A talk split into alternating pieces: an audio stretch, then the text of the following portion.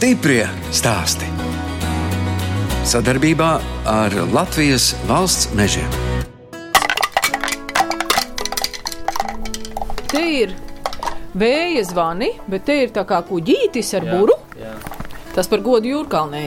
Droši vien tas mums palika mantojumā no iepriekšējiem saimniekiem. Mēs vienkārši pakarinājām viņu, lai viņš pilda savu funkciju, ieskandina šo vietu.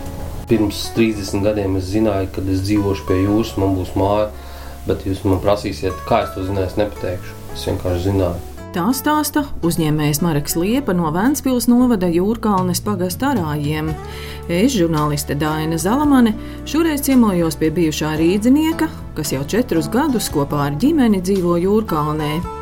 Pērn jūlijā viņš savā viensētā atvēra meža spā, un turisti tagad var atpūsties divos jaunuzceltos koka guļbūves namiņos. Tad, kad mēs pirmo reizi iebraucām šajā īpašumā, tad mums priekšā pavērās skats ar tādu meža pļavu, neskārtu. Jo šeit divus gadus nebija neviens dzīvojis, tikai pa vasarām atpūtnieki. Pļavas bija ar zāli, apaugušas. Bet viss tas dabas skats, tā savrupā vide, tas bija tas, kas arī mūs uzrunāja un radīja tādu vēlmi būt šeit. Pie jums arī beidzas ceļš, vai ne? Tālāk Jā, mēs esam nevar. pēdējā māja. Ja no šoseis brauc, tad tie ir gandrīz divi kilometri. Mums jābrauc iekšā mežā. Un šeit var izjust mieru, klusumu. Fonā jūs dzirdat arī jūras šalts. Visi, kas brauc uz jūrkānu vai nemeklē tuvāk jūrai kaut kādu vietiņu. Gan jā, gan nē, jo teiksim, tas fokus ir jā, tuvāk pie jūras. Bet, ja šī palikšana ir nu, vairākas dienas, mums jau jūrkalnē šeit jau ir diezgan spēcīgi valdoši jūras vēji. Un citreiz arī diezgan neumolīgi arī vasarā vakarā iziet ārā, jo rīktīgi pūš un jāģērbjas silti, lai varētu vienkārši ārā pasēdēt. Šeit mežā atkal ir pilnīgi savādāk. Te ir vakarā ir pilnīgs miers, pilnīgs bezvējš. Cilvēki tieši sajūsmā par šiem rītiem un vakariem. Jo tā diena ir jūra, bet no rīta un vakarā ir mežs. Jūs teicāt, te bija neskarta pļava, bet tagad var redzēt te tādi pakalniņi. Tie izskatās tā kā jūsu Jā, tie, sastumti. tie ir ja? veidoti teritorijas labiekārtošanas projektā. Sākumā šeit bija vienkārši viena līdzena pļava, bija viens dīķīts. Un tas dīķis pie pirts, viņa vēl toreiz nebija. Viņš pilnībā izrakts pirms pusotra gada. Šie pakalni vienkārši veidojušies no dīķiem, jo ir rokot dīķis Melnzeme, kur mēs izdomājām, ka mēs veidosim reliefu šai pļavai. Tad mums arī tapa šie trīs pauguriņi. Marks Liepa, dzimis un izaudzis Rīgā. Kurā Rīgas pusē tad jūs uzaugāt? Gan Purcēmā, gan Pārdaugavā. Kaut gan iepriekšējās paudzes nāk no tēva puses kurzem un no mācas puses ir Latgala. Un satikās Rīgā. Es mācījos Rīgas trešā mūzikas internāta skolā. Tad mācījāties arī kādu mūzikas Mūzikas instrumentu. instrumentu, klavierus, pēc tam pūšamos instrumentus, dziedāju korī, spēlēju orķestrī, sākumā spēlēju altu un pēc tam turpinājumā basu. Tāpēc arī armijā nebija problēmas ar skriešanu. Mācījāt elpot, jā, pareizi. Jā, jā. tā pelpošana viss bija kārtībā. Neskatoties uz to, ka tā laikā arī smēķēja. Jums kāda māsa, brālis arī ir? Jā, man ir trīs brāļi. Viens dzīvo Rīgā, un divi dzīvo vidzemē, Saukrastos. Diezgan liela tā vecuma starpība. Mums ir ā, ar vienu brāli 10 gadi, ar otru 11 un trešo 20 gadu starpība. Oi, Tikai to bērnību es pavadīju viens pats. Cik man bija kaut kādi gadi, 8, 9, kad vecāki nopirka lauku īpašumu mājas. Nosaukums bija Kodoli. Tumis pagastā, netālu no Jaunmokām, Jaunmoku pilsētas. Arī tādā ielējā, smukā, ļoti skaistā vietā. Te jūs bijāt vienu kāju laukos jau, jā, jā? nu, tur es principā no 9 gadu vecuma katru vasaru pavadīju laukos. Un droši vien arī tās sajūtas, tā enerģētika, kas ir dabā, tas viss kaut kā palika. Kaut kur nosēdās failos. Un, protams, bija savs ābeļdārs, tur bija iekopts piemājas dārziņš, gurķīši, zemenes, tomāti, ķirbi. Nu, te jums arī bija kaut kas jādara, vai Pirtiņa. jums ļāva atpūsties? Nē, nē, protams, lika darba. Jāmācās matemātika pavasarī, tāpēc, ka bija švaka rezultāti. Un kurš te jūs mācīja? Vecmāmiņa? Un man bija tā, kas uzņēmās to disciplinējošo lomu. Bijāt slinks? Nu, visi talantīgi cilvēki slinki. Kaut kādu mierinājumu vajag atrast sev, vai ne? Tāpēc, kad negribās tērēt liekus resursus tur, kur viņas nav jātērē. Un tāpēc latviešiem var būt viens no moto, ja gribi labi strādāt, vajag labi atpūsties. Pēc skolas Marks nevis turpināja mācīties, bet sāka strādāt, un banku augstskolu pabeidza jau pēc 30 gadu vecuma sasniegšanas. Vairāk kā desmit gadi bija pavadīti aktīvajā pārdošanā. Ko jūs tirgojāt? Visu kaut ko sāku mēs ar spilvas, kečupiem un majonēzēm. Tad tirgoju elektropreces, vadīju arī starp citu pa kurzem. Tad es tirgoju grāmatas, piegādāju bibliotekām, skolām. Tad kādu laiku nostrādāju loģistikā. Bija kaut kāds brīdis pārdomām dzīvē. Gribējās saprast, ko tad es īsti gribu darīt. Jo bija tāda iekšēja sajūta, ka es gribu darīt to, kas man patīk, nevis tur, kur man maksā naudu. Tā iegūtā pieredze pārdošanā ļoti noderēja turpmākajos darbos un projektos. 2010. gadā es sāku savus gaitas tieši digitālajā mārketingā. Kad jūs ienākat Google un ierakstat, piemēram, atpūta kurzemē, tad jums Google parāda priekšā tos rezultātus, ko viņi ir atradusi. Resursu rakstu, dažādu publikāciju, mājas lapu, blogu, fórumu ir ļoti daudz. Līdz ar to Google izvēlās kvalitatīvākus. Līdz ar to šis SEO speciālists ir tas, kas optimizē šo saturu. Nu, tā. un ar laiku tad uh, vēl klāt nāca dažādi kopu projekti tieši mārketinga jomā. Un tas bija tāds interesants, radošs darbs. Kāpēc jūs izdomājat, ka 30 gados jums ir jāsāk studēt? Es sapratu vienkārši, ka ir vajadzīgas zināšanas. Gājāt uz banku augstskolu, jo gribējāt strādāt bankā? Nē, nē, es arī iestājos ekonomikas un uzņēmējdarbības vadības fakultātē. Nu, noder tagad kaut kas no tā, ko mācījāties? Uh, ja nav dzīves pieredze, tad uh, jebkurai teorijai ir tikai tāda teorētiskā vērtība. Iegūstot pieredzi, mēs varam izdarīt pareizos lēmumus. Mācīšanās banka augstskolā vairāk palīdzēja apgūt tādu sistemātisku domāšanu. Iestājoties augstskolā, es jau biju uzņēmuma īpašnieks un vadītājs, un pieredze, kas ir grāmatvedība, mikro, makroekonomika. Protams, statistika. Kāds uzņēmums jums piederēja? Bija kopuzņēmums ar vienu Igaunijas uzņēmumu, un tajā laikā mēs pārstāvējām pulksteņu ražotāju Latvijā. Ko tik jūs savā dzīvē tad nesat darījis? Daudz ko, vai ne? Jā, jo dažādāka pieredze, jo lielāka izpratne par eh, to, ko gribās un ko vajag dzīvē darīt. Šī nodarbošanās, kas ir eh, šobrīd pirts, spā, viesu izmitināšana, tas jau arī viss sākās no idejas. Nelielu brīdiņu bija nodzīvojis Dānijā. Atbraucot uz Latviju, pirmā doma bija, es gribu ļoti kvalitatīvi, patīkami atpūsties. Aizbraucot uz vienu atpūtas vietu, sajūtu tieši individuālās telpas un klusuma deficītu. Jo aiz sienas ir atkal kaimiņi, atkal skan televizors, izdeja ārā, atkal tur cilvēki priekšā. Nav šī atpūtas sajūta. Savu lauku māju Marks vispirms meklēja tālsu pusē. Sabildi, tāpēc, ka tur bija mans iepriekšējais medību kolektīvs. Sievstās bija tas, kas uzrunāja un radīja interesi par šo medību tēmu. Es gan neuzskatu sevi par tādu kaislīgu mednieku, bet vismaz ir pieredze.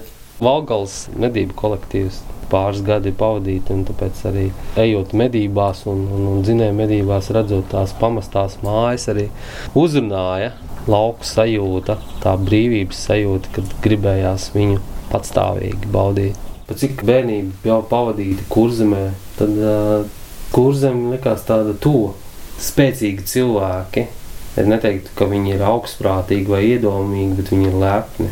Viņi apzinās, ko viņi spēj, ko viņi var un viņi dara. Arī izteikti viensētnieki, it īpaši šeit, suitu novadā. Katram sava sēta, savs dārziņš, katrs turās pie sava. Bet es domāju, tas laiks šobrīd iet uz to, mūsu māca vienkārši sadarboties. Mūsu māca meklēt tādus kopīgus risinājumus un kopā sasniegt mērķus. Jā, interesanti bija, ka šī nav pirmā māja, kur mēs dzīvojam laukos. Jo pirmo māju mēs nopirkām 9 km no Kuldīgas, kur mēs sapratām, ka mēs dzīvojam nevis laukos un nevis klusumā, bet mēs dzīvojam uz krustojuma, var teikt, jo tas lauku ceļš gāja desmit metri no mūsu mājas. Baļķvedēju tā vibrācija, tas viss tā māja drebošā un tie trokšņi un nakts gaismas slogos spīd iekšā. Sapratām, ka mēs gribam pilnīgi prom no vispār, no cilvēkiem, no trokšņiem. Marika, bet tas jau nav tik vienkārši. Nu, cilvēks nopērk māju, atkal pārdot, atkal meklēt jaunu. Jā, nav vienkārši ja sāk par to domāt. Ja es zinu, ko es dzīvē gribu, tad es vienkārši izmantoju katru iespēju, lai to realizētu. Un kā jūs šo māju atradāt? Pat atnāca, jo mēs bijām noskatījuši kaimiņus netālu. Diemžēl to māju Pat ne diemžēl, vai par laimi, to māju nopirka citi cilvēki, arī rīznieki. Un, Nejauši braukājot šeit pa meža ceļiem, iebraucām iekšā šajā īpašumā. Pie pirmā dīķa bija barjera, ķieģeļa zīme. Mēs iebraucām, un tad es ieraudzīju to māju un sapratu, ka vispār pilnīgi cita pasaule. Vaņķudēji garām nebrauks. Pirms pāris gadiem viens bija iemaldījies, bet tā nē. Brauc iekšā tikai tie cilvēki, kas zina, uz kuriem viņi brauc. Nu, varbūt kādu retu reizi kāds sēņotājs iemaldās. Stiprie stāsti!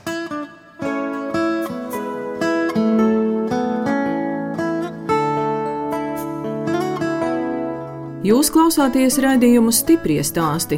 Turpinu cīnoties Vēncpils novada jūrkalnes pagastarājos pie uzņēmēja Mareka Liepas, kas pērn atvēra jūrkalnē meža spā un turistiem uzcēlis divus koka guļbūves namiņus. Viensētā ir arī pirts, ko iepriekšējie saimnieki cēla 1936. gadā pašu ģimenes vajadzībām. Šādi izskatās tā pirtiņa. Šeit ir tāda neliela priekšstelpa, kur var uh, pārģērbties. Un šeit mums ir vēl plāvas telpa. Tad cilvēki sākumā viņam liekas tāda. Tā pirtiņa tāda maziņa, bet šī pirts jau bija iecienīta 90. gada sākumā, kad uh, sāka pirmie turisti braukt uz jūrkalnu atpūsties. Tad uh, šī vieta bija viena no pirmajām, kur sāk uzņemt atpūtniekus. Ziniet, kā gribas teikt, pie jums ir tā kā pirtī pie vecmāmiņas. Jā kurai neinteresē eiro remonts, kuras pirtiņa jā. varbūt ir veca un netik skaista, bet, bet viņai izskats jau nav tas svarīgākais. Viņai ir šai vietai zem uh, lāvas iet ūdens ādara. Mēs bijām paaicinājuši rīcnieku no aizputs, viņš atbrauc. Viņš saka, ka jums viss ar pirtiņu viss ir ļoti labi, ļoti pareizi, pēc senču metodēm. Ūdens ādarīts, nu, iet zem lāvas cilvēks, kas guļ uz ādas, parasti cilvēki aizmiega. Sākumā bija doma, vispār pirtī jaukt nos un būvēt jaunu, bet kad eh, nu, tas pāris reizes iegājis, sajūtu to enerģiju, kas šeit un domāju, nē, nē, nē, tādu mantojumu nedrīkst tā vienkārši palaist cenšos neko daudz nemainīt. Man liekas, tā lampiņa tā ir tāda rīktīva padomu laika, vai ne? Jā, jā tāda. Tas no 70. gadiem. Jā, tāds biezais stikls un vēl tādas rūtiņas pa virsmu. Tas tāpat kā šie elektrības vadi, kas ir izvilkti jā. pāri, vai ne? Nevis iestrādāti iekšā. Pirtiņi vienkārši dzīvo savu mūžu. Un cik karstu jūs te parasti kurināt? Mums viņi nav karsti. Parasti es strādāju 65, 70 grādu temperatūrā. Tad liek lietas ūdens uz akmeņiem. Tvaiks, kas nāk no akmeņiem, gariņš piepilda šo telpu. Un tad ir ļoti liels tas mitrums telpā. Un akmentiņi arī mums ir lasīti no Rīvas upes gultnes. Viņi stāvējuši tekošā ūdenī. Jā. Tas gars ir pilnīgi savādāks. Viņš nav ass, viņš nav agresīvs, viņš ir maigs, viņš ir samtains, viņš ir nomierinošs. Pirts ar lodziņu, varam pavērties uz dīķi. Un kas tie pa akmeņiem, ko jūs pie dīķa esat salikuši? Tie akmeņi ir no dīķa rakšanas, vienkārši gulējuši zemē izrokot dīķi, šie akmeņi nāca ārā, un mēs viņus izdomājām arī pie dīķa krasta joslā salikt. Un kas te jums ir par priežu zariņiem iemērts ūdenī? Šeit top šobrīd priežu skuju izvilkums. Vienkārši šie priežu zarbi satur fitocīks, tas ūdens vienkārši uzsūc no viņiem. To jūs siltojat virsū? Augstu. Augstu? Augstu jā. Viņš netiek sildīts, tad viņš sāks rūkt. Tad, kad viņš augsts, viņš nostāv apmēram kaut kādas desmit dienas. Pēc pirts rituāla beigās vienkārši aplējās šo ūdeni. Un... Šeit mums ir tāds vairāk tāds tā kā gulēšanai paredzēts atpūtas solis, kur pirts rituāla beigās cilvēks kādu laiku vienkārši segās, ietīts, guļ un bauda Jums ir tik daudz lukturīši, jūs iededzat, lai tā romantiskāk. Jā, lukturīši mēs izmantojam tad, kad vakarā cilvēki iet pirtiņā un arī kublam. Mēs vienkārši noliekam šos lukturīšus ar svecītēm. Tāda romantiskā noskaņa. Pagūda tur tālāk, tā taču arī pirtiņa, jā? Tā ir, tā ir čigāna pirtiņa. Tur iekšā ir arī krāsniņa, akmens gros un soli. Un tur, tā īpatnība čigāna pirtiņai ir tāda, ka tur visu laiku pastāvīgi svaigs gaiss iekšā. Tur var uzturēties ilgstoši, jo ir svaigs gaiss un nav tādas piedošas tā sajūta. Kompānija var ilgāku laiku vienkārši sēdēt un baudīt šo karstumu pirtiņā un vienlaicīgi dzirdēt arī meža skaņas fonā. Šeit jums ir ugunskura vieta, un kāpēc tik liela? Mums ir paredzēts arī vadīt dažādas pasākumus šeit vasarā. Gan kā skaņu meditācijas, gan vienkārši tāda ugunskura vakari ģimenēm pie dabas. Jo uguns viņiem ir tāda maģiska, meditatīva iedarbība uz mums, uz cilvēkiem. Un tāpēc tas dzīvais uguns ir īpaši cilvēkiem no pilsētas vidas, un īpaši arī bērni to sajūt. Viņš rada tādu nomierinošu un meditatīvu stāvokli. Tāpēc tas laiks pie uguns, kur tāds īsts liekas, pa īstam. Un tur kalniņā, kas jums tur sakrauts kaut kas no akmeņiem, tā kā piramīda. Tur mēs bijām domājuši, jā, taisīt piramīdu, bet sapratām, ka mums viņa nav vajadzīga šai, šai vietai. Ir enerģijas strāvojumi, viss kārtībā. Izstāstiet vēl par tiem sausiem kokiem. Tie ir jūras izskaloti celmi, kurus mēs salasījām piekrastē. Ar pašvaldības atbalstu traktors mums atveda, izkrāva viņš. Ja te jau varbūt domāju, ka jūs kurināsiet. Nē, nē, nu viņi lasa tos caumus un pēc tam vada dedzina. Bet jūs ar tiem izdaļojat apkārt. Jā, mēs viņu nosaucam par sajūtu ļauju. Vizuāli viņi arī rada tādu meditatīvu noskaņojumu. Kā sēžot uz terases un, un skatoties uz tiem caumiem, var daudz ko pārdomāt dzīvē. Un kā jums tik daudz suņu? Un suņi arī viens no iemesliem ir, kāpēc mēs vispār pārvācāmies no pilsētas uz laukiem. Jo sākumā mums bija viens suns, pēc tam otrs suns mēs no jūglas patvērsmes paņēmām.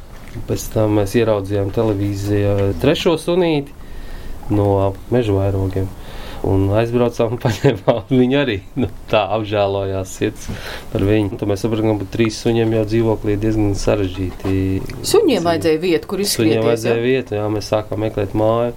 Kāpēc Marks Liepa nolēma būvēt guļbaļķu namiņus? Izrādās, ka pēc pirts lielākajai daļai cilvēku nav gribējies braukt tālu ceļu uz mājām, bet pārnakšņot turpat uz vietas. Tāpēc pērn jūlijā Jūrkalnes pagastarājos, kur saimniekiem pieder desmit hektāri zemes, uzcelti divi koka guļbūves namiņi. Ja tā pirtiņa bija tā kā tāda veca māmiņa, jau krietni gados, tad te gan ir viss jauns. Šie ir Latvijas priedes koku baļķi, vidējais caurmēs 40 cm diametrā. Nu, tāda pamatīgi. Pamatīgi, jā. Guļbūves konstrukcija ir uh, būvēta pēc Sibīrijas pakša metodes. Savienojums stūros. Tas baļķis mums vienkārši apaļš. Tad šeit arī tiek izzāģēta, izcirsta tāda grope. Un tas baļķis vienkārši uzsēžas uz otru baļķi virsmu. Augšējām atkal ir uh, izzāģēta gropa, kas iet iekšā. Dabīgais suns siltinājums. Šīs guļbūs ir licis kopā amatnieks Namdars no Kurzemes, arī Ernests Bušers. Sākumā mēs bijām domājuši kaut kādas standarta tipa projektiņu, industriāli gatavots guļbūs, jo tas bija lētāk, bet beigās izvēlējāmies to, kas ir dārgākais. Tas atslēgas vārds ir īsts. Viss ir īsts. Interesanti Jā. arī tie koki, vai ne? Nu, nav tā, ka tas baļķis būtu tāds apaišs, bet te ir gandrīz tā kā puķe. Jā, viņi tādi ir, tā struktūra, viņi tādi interesanti, jā, dažiem baļķiem. Kad nav viesi, tad nu, mums ir tie elektriskie sildītāji šobrīd guļbūvē katrā. Tad mēs viņus parasti atstājam uz kaut kādiem 16 grādiem. Tad, kad brauc iekšā cilvēki, tad mēs kaut kādu dienu iepriekš jau uzliekam 22 grādus, lai patīkami silts strādājam, darbojamies mēs visu gadu garumā. Tāpēc cilvēki grib atpūsties ne tikai vasarā, bet arī ziemā. Un ko viņi saka, ka druskuļi pa dubļiem jāpabrien līdz pirtī? Tā ir tā lauka sajūta. Neiebilst, visi ja? pa īstam. Nu, vienkārši mēs pabrīdam diezgan slapši, jo kurzemē tā izteikti jau trešo gadu pēc kārtas vairāk līst nekā sniega. Pļāvis ir pārplūdušas un viss iespējamās bedres ir pilnas ar ūdeni. Un te pirmajā stāvā ir tāda maza virtuvīte, leduskapis un maza plītiņa. Tā tad te var paši arī kaut ko pagatavot ēst. Jā, pamatlietas vajadzīgās šeit ir, kur rokas nomazgāt trauki, uzvārīt tējai vai kafiju ūdentiņu. Bet kādas kāpnes jūs esat uzlikuši uz otro stāvu? Tam kāpnēm bija savs stāstījums. Mēs palūdzam vietējiem meistaram uztaisīt mums tās kāpnes, un tad, kad mēs pielikām tās kāpnes klāt, tad viņas nobeidzās šeit. Bija par īsu. Tiec pakāpienas pietrūka. Un tad būvnieki atrada risinājumu. Aha, baļķīts apakšā uzlikt. grīdas uzsēnās. Jā. Jā. Mūsu sākumā versijā vispār uh, otrais stāvs nebija paredzēts kā pilnais, bet tikai kā guļams stāvs. Bēniņa tipa izvelkamās trepas un cilvēki vienkārši uzkāpa augšā un tur jau ir gultas vieta. Bet šobrīd otrā stāvā ir lielāka kvadratūra nekā pirmā stāvā. Televizors, internets šeit nav Nav. un nebūs. Nebūs. Šobrīd jau tā ir ekstra. Telpu ziņā, es domāju, ļoti patīkama atpūta līdz 3-4 cilvēkiem. Bet tā pārsvarā mums šobrīd brauc pāri vai ģimenes ar bērniem. Tā ideja arī bija tāda, ka mēs gribam, lai tie cilvēki, kad atbrauc pie mums, viņi vairāk laika pavadītu ārā pie dabas.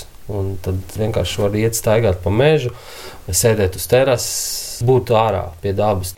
Un arī namiņi ir tādā pieklājīgā attālumā viens no otra, lai cilvēki, atpūtnieki netraucētu viens otram, lai būtu klusums un miers. Un jūs māja arī ar gudru ziņu ir krietni tālu, Jā, jā, lai varat justies netraucēti gan viesi, gan jā, jūsu saimnieki. jā, jā. Lai jūs būvētu šos namiņus, vai jūs esat izticis ar savu naudu, vai jums te arī bijuši kaut kādi projektiņi? Diezgan grūti būtu realizēt šādu projektu tīri ar savu finansējumu. Pat cik jauniem uzņēmējiem ir ļoti grūti piesaistīt Latvijā banku finansējumu, tad uh, mums palīdzēja lauka atbalsta dienests ar savu līdzfinansējumu programmu. Un tā nu mēs uzbūvējam šos divus namiņus, un turpmākos mērķus jau mēs plānojam realizēt jau paši savām iespējām. Dažādu apstākļu dēļ, pirmkārt, tas, ka ir diezgan liela birokrātija, visur prasa ķīls. Nu, nevar jau visu arī apķīlāt, tāpēc mēs vienkārši sapratām, ka startam ir ļoti labi, kad ir šis te atbalsts, un tālāk mēs paši. Kādi tad jums vēl ir plāni, ko jūs par to savu naudu te vēl gribat uzbūvēt, vēl kādu namiņu? Vajadzētu mums tieši priekš vasaras atpūtniekiem uzbūvēt dažus namiņus tādus.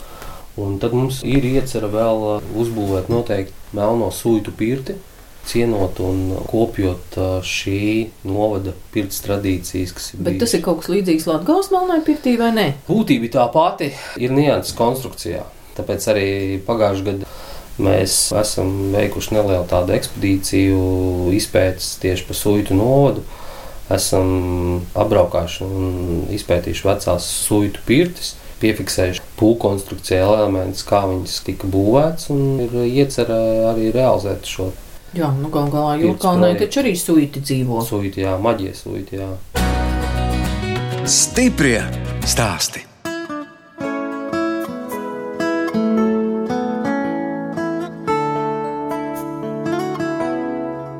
Skan raidījums stiprie stāsti. Šoreiz ciemojos Vēncpils novada Jūrkalnes pagastā pie Mareka Liepas, kas pērnvasar savā viencētā atvēra meža spā.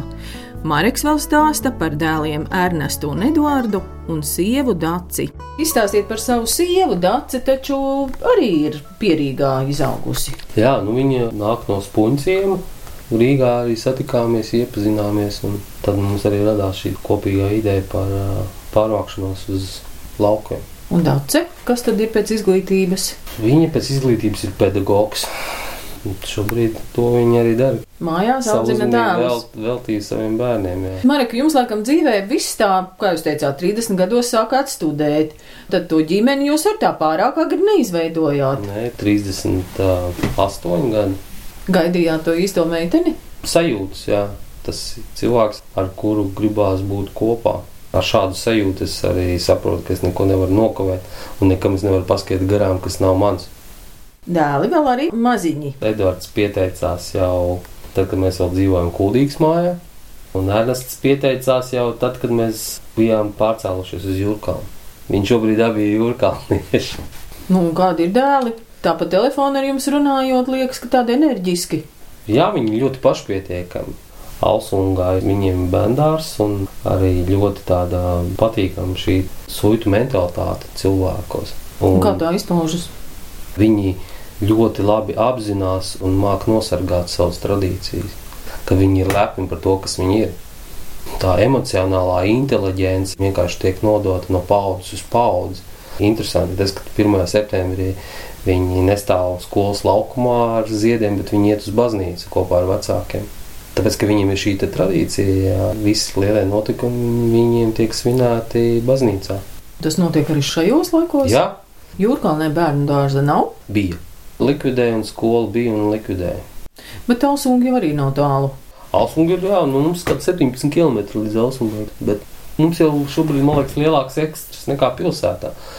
Jo mums atbrauc pagastā autobusiņš līdz ceļgalam, viņš paņem puikas un vakarā viņš atved viņus. Arī bērndārznieks. bērndārznieks. Bet tā mamma brauc līdzi. Ne? Tad jums tik atliek aizvest Jā. ar savu mašīnu, Jā. pamājot ar ociņu, un puiši brauc. Jā, viņiem ir arī savs piedzīvojums. Brīvais laiks tiek pakārtots bērniem, bērnu interesēm. Protams, simtprocentīgi. Nav svešā palikusi arī mūzika, bet šobrīd tā vairāk ir skaņu terapija. Pagājušā gadā jā, mēs pirmo reizi rīkojām ar vietējo koku meistaru Guntu Niedoliņu skaņu meditācijas vakaru pie ugunskura šeit.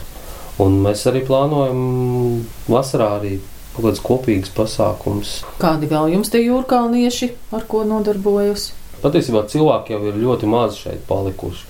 Ļoti izteikti ir šī viesu izmitināšana vasaras mēnešos. Līdz ko atnāk vasara, tā visas šķūnīši un visas pažobeles tiek atvēlētas priekš ceļotājiem. Viens uzņēmējs arī tā tālēni izteicās, to var uzbūvēt Jūrkalnē daudz stāvu viesnīcu, un vasarā viņi būs pilni.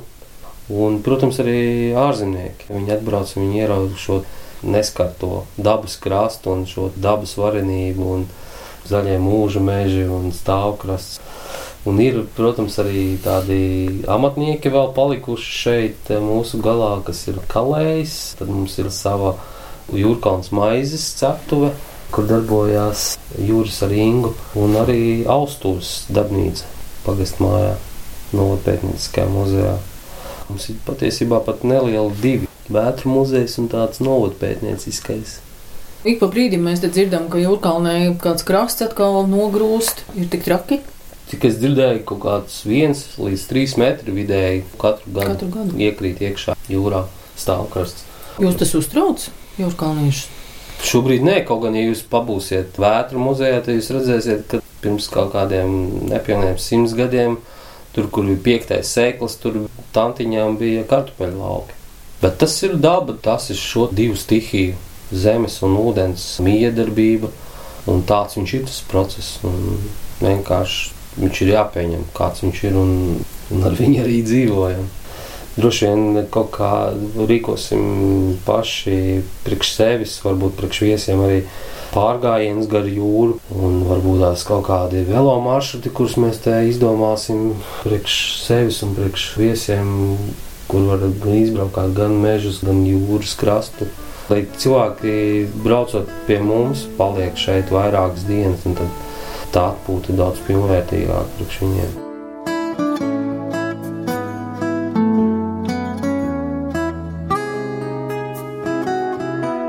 Redījums stipri stāsti izskan, un es atvados no uzņēmēja Mareka Liepas, kas Vēncpils novada Jūrkalnes pagastā izveidojis meža spā un uzcēlis divus koka guļbūves namiņus. No jums atvedās žurnāliste Dāna Zalamane un operātore Inga Bēdele, lai tiktos atkal pēc nedēļas.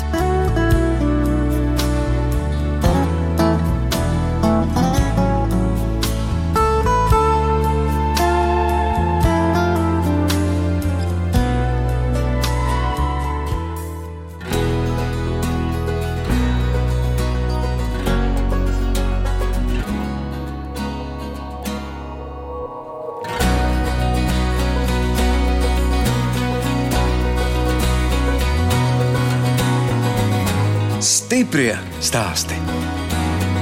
Sadarbībā ar Latvijas valsts mežiem.